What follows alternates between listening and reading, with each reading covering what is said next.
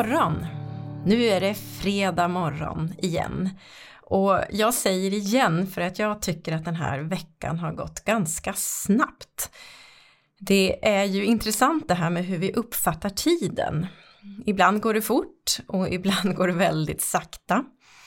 Ibland är det långt till fredagen och vissa veckor har bara måndag och fredag känns det som. Jag hoppas att du har det bra där du är just nu och jag är väldigt glad att just du är här. Oavsett när du lyssnar. Och du är varmt välkommen hit till Queen Morning och ett extra välkommen till dig som är med för första gången. Och innan vi startar med dagens tema så tänker jag att där du är, ta gärna ett djupt andetag. Det kan vara det enda djupa andetag du tar den här veckan. Eller så är du en sån som brukar komma ihåg att ta dem ibland.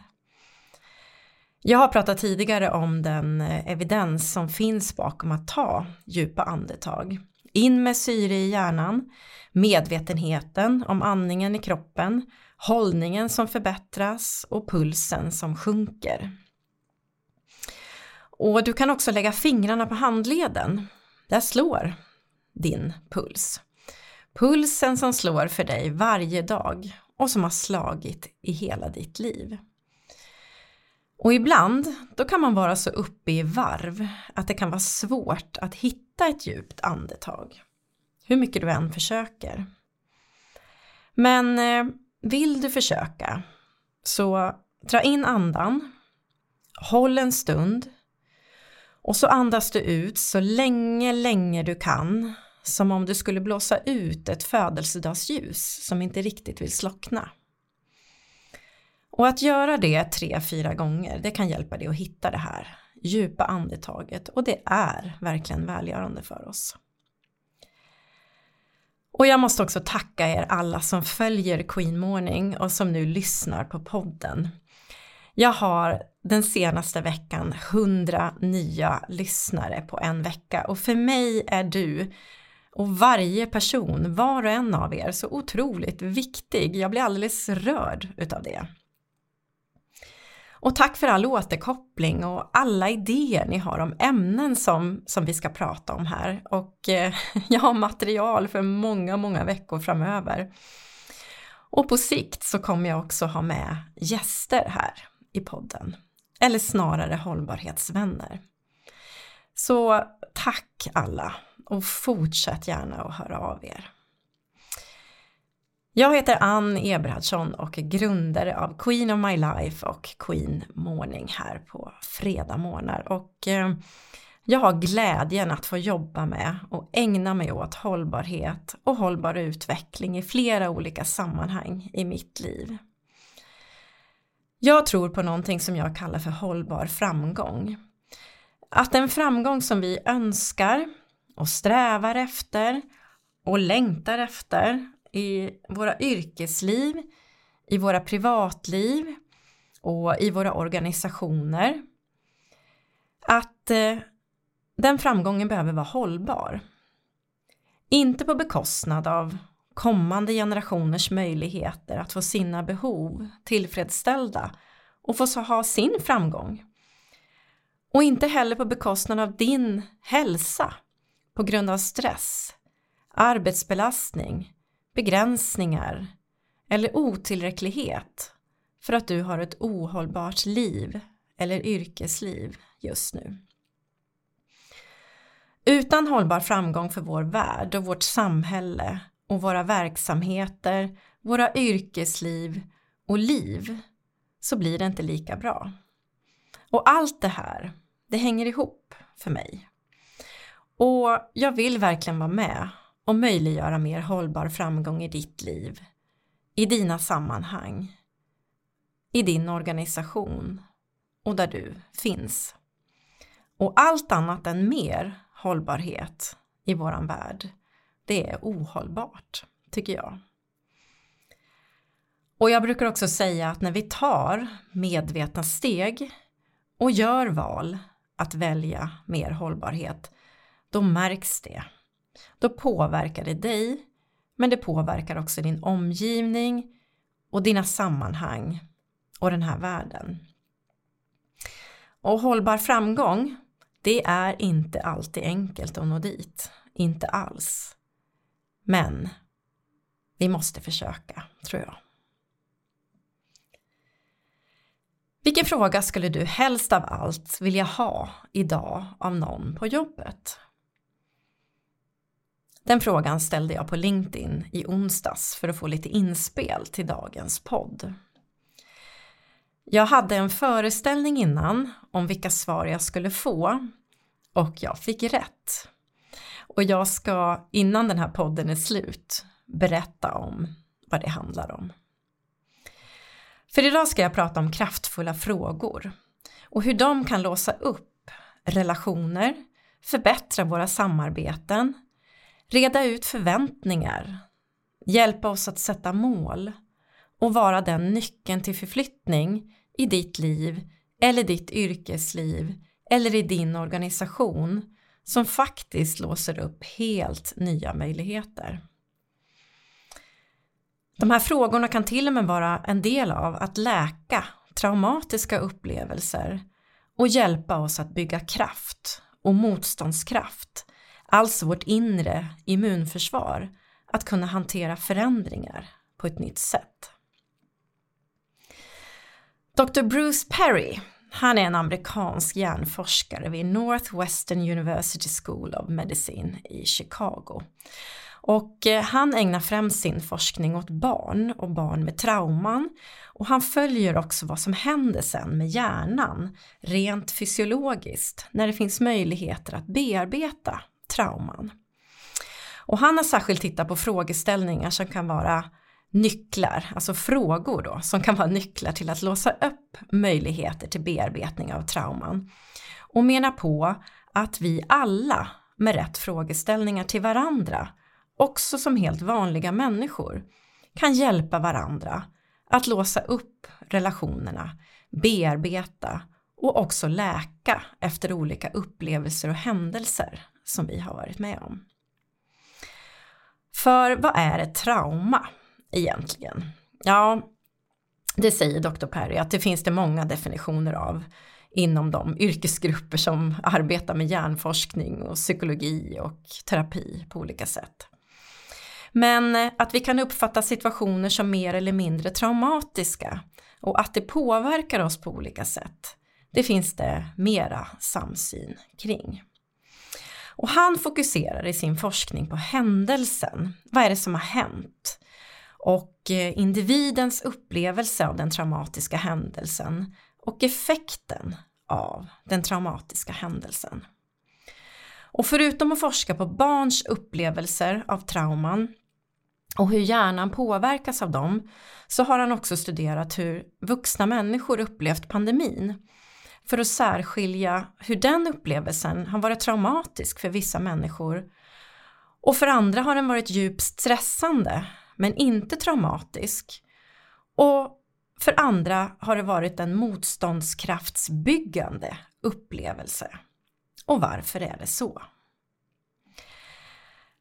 Han ser också tydligt att det finns kopplingar mellan hur vissa händelser som vi upplever förändrar hjärnan genom att hjärnans stressreaktionssystem aktiveras. Och med det så kan man se hur hjärnan påverkas av sånt som trauma som uppstår till exempel av förnedring eller förlöjligande eller annan emotionell misshandel från föräldrar eller någon annan person. Och en långvarig upprepning kan göra de här stressreaktionerna och systemen för dem mycket känsligare och resultera i långa posttraumatiska effekter i hjärnan och i resten av kroppen. Så för att bestämma de specifika effekterna då på hälsan så menar Dr. Perry då att vi behöver ta reda på mer genom att ställa rätt slags frågor till människor som har upplevt olika saker. Och då börjar han med den här frågan. Vad hände med dig? Vad hände med dig när du var liten, under din uppväxt eller under pandemin? Och den här frågan öppnar upp möjligheten att sätta ord på berättelsen på ett helt annat sätt än om du skulle få frågan Varför gör du som du gör? Varför beter du dig så här?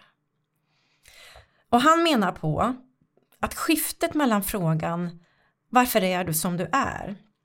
och Vad har hänt dig? kan vara avgörande när det kommer till att känna skuld och skam för det man har upplevt. Och att det gör att man känner sig som en sämre människa snarare än att det som hänt kanske förklarar så väldigt mycket mer. Jag har både under mitt yrkesliv och förstås i mitt privatliv gjort en massa misstag och felbedömningar och helt enkelt agerat fel. Och jag vet inte hur många gånger jag själv har fått frågan, hur tänkte du nu? Hur tänkte du nu? Det är inte en öppen fråga, utan en ganska anklagande fråga. Ja, det som har hänt har hänt. Hur ska jag svara på den frågan? Hur tänkte jag? Ja, alltså jag bara gjorde det som kändes rätt. Eller rätt i stunden. Eller det jag trodde att jag var tvungen att göra. Jag kan inte säga hur jag tänkte. Och så här i efterhand så kan jag bara landa i att tänk om jag istället alla de gånger som jag har gjort fel eller gjort en massa misstag. Tänk om jag hade fått frågan vad hände? Vad hände med dig? Känner ni den skillnaden? Och då kan man svara Jag vet inte vad som hände. Jag tror jag blev stressad. Jag tappade kontrollen. Jag blev rädd. Det går alltså att låsa upp så otroligt många fler svar med den typen av fråga. Låsa upp hjärnan och hjärtat med frågan om vad hände? Istället för hur tänkte du nu?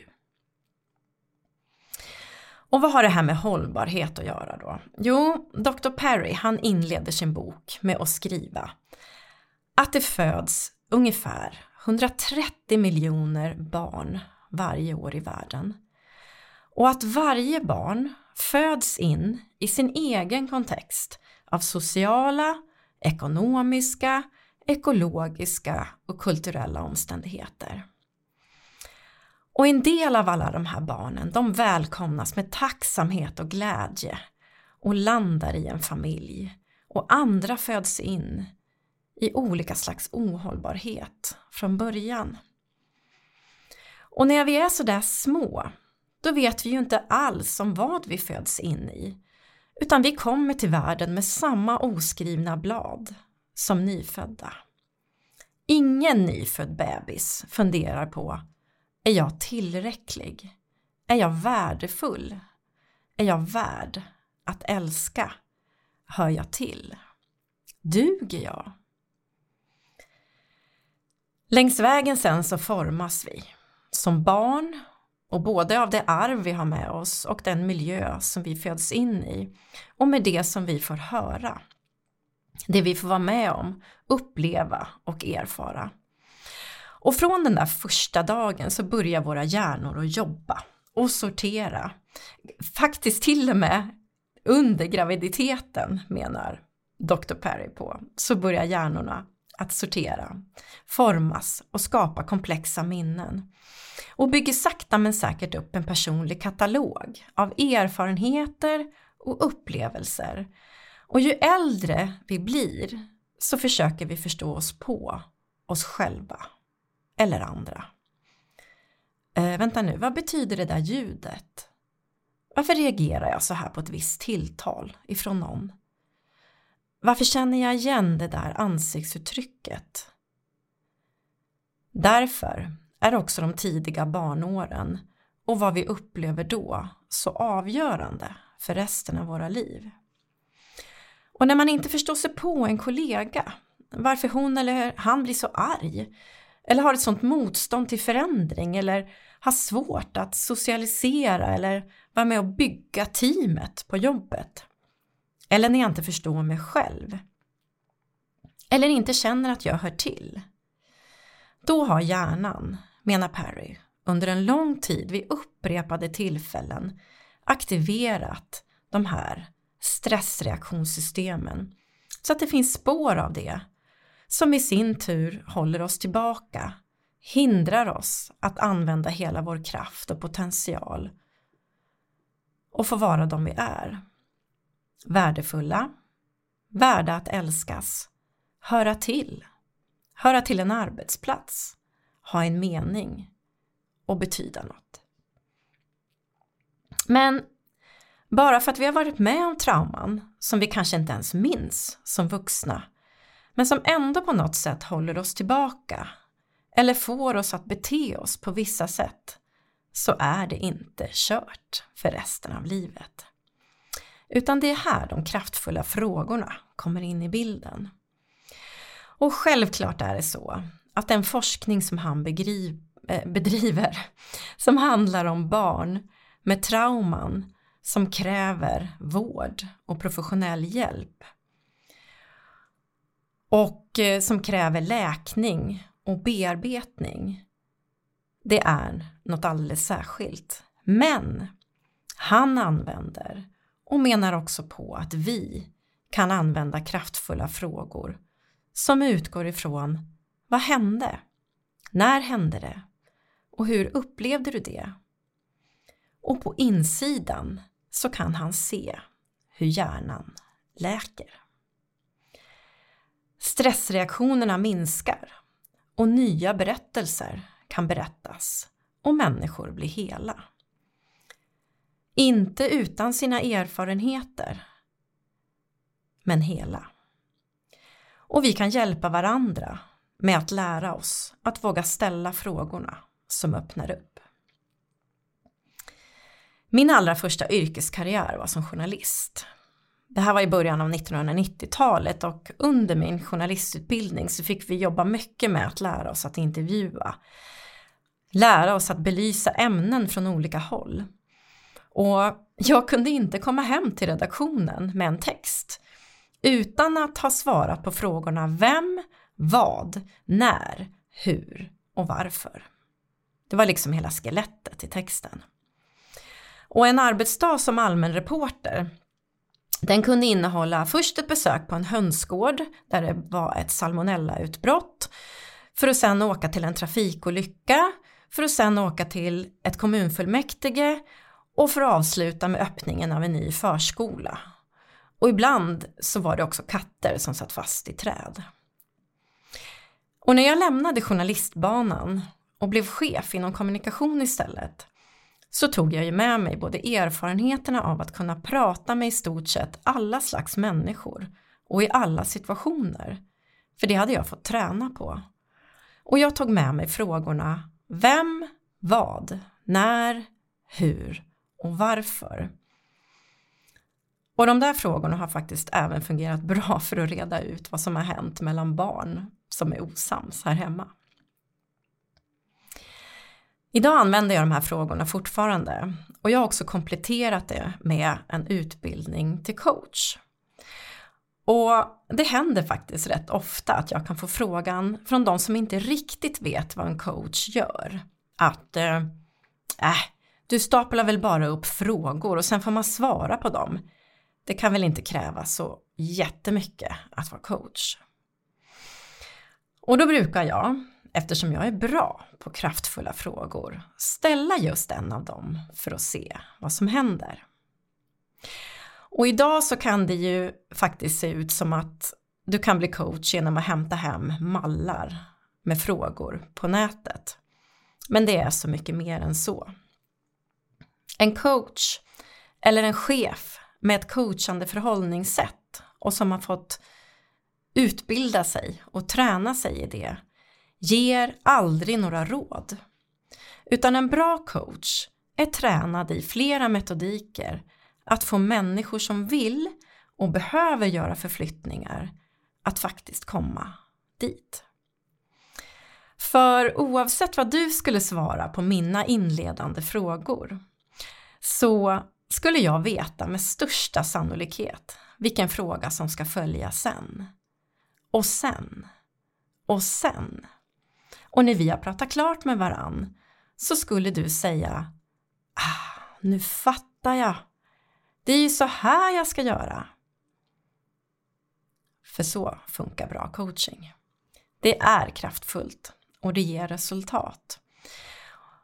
Och ibland så kan det räcka med ett enda samtal och ibland tar det längre tid.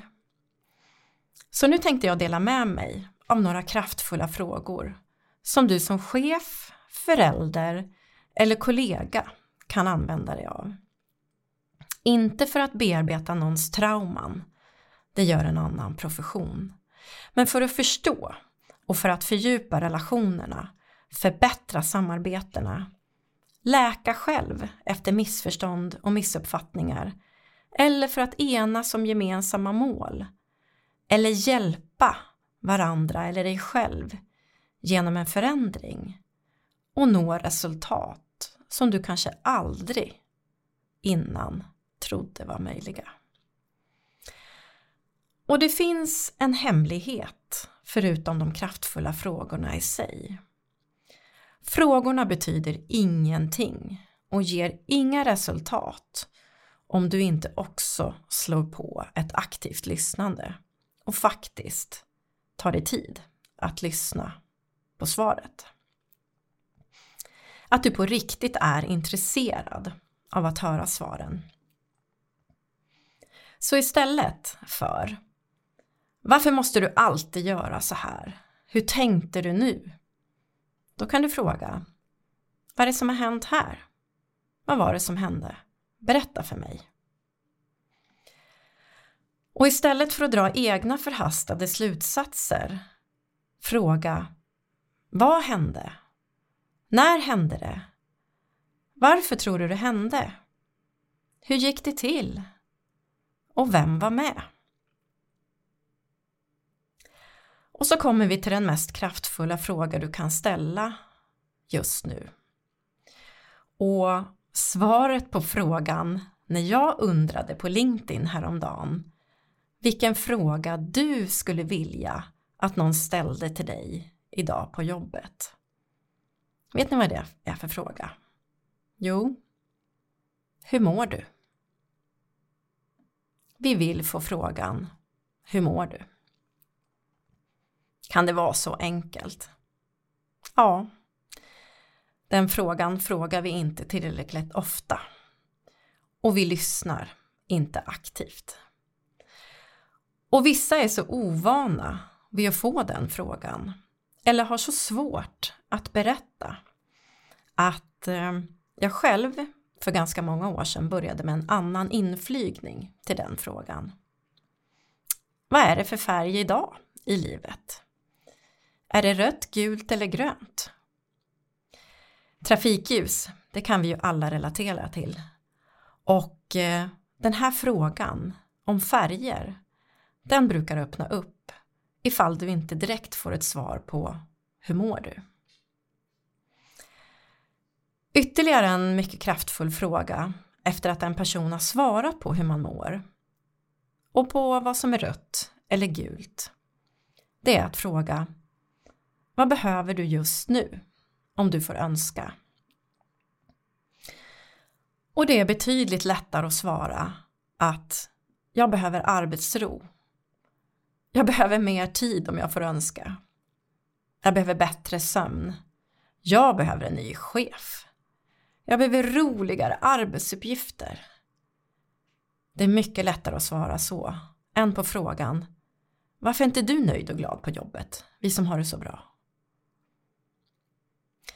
Dr. Perry avslutar sin bok med att beskriva hur vacker hjärnan är när den läker.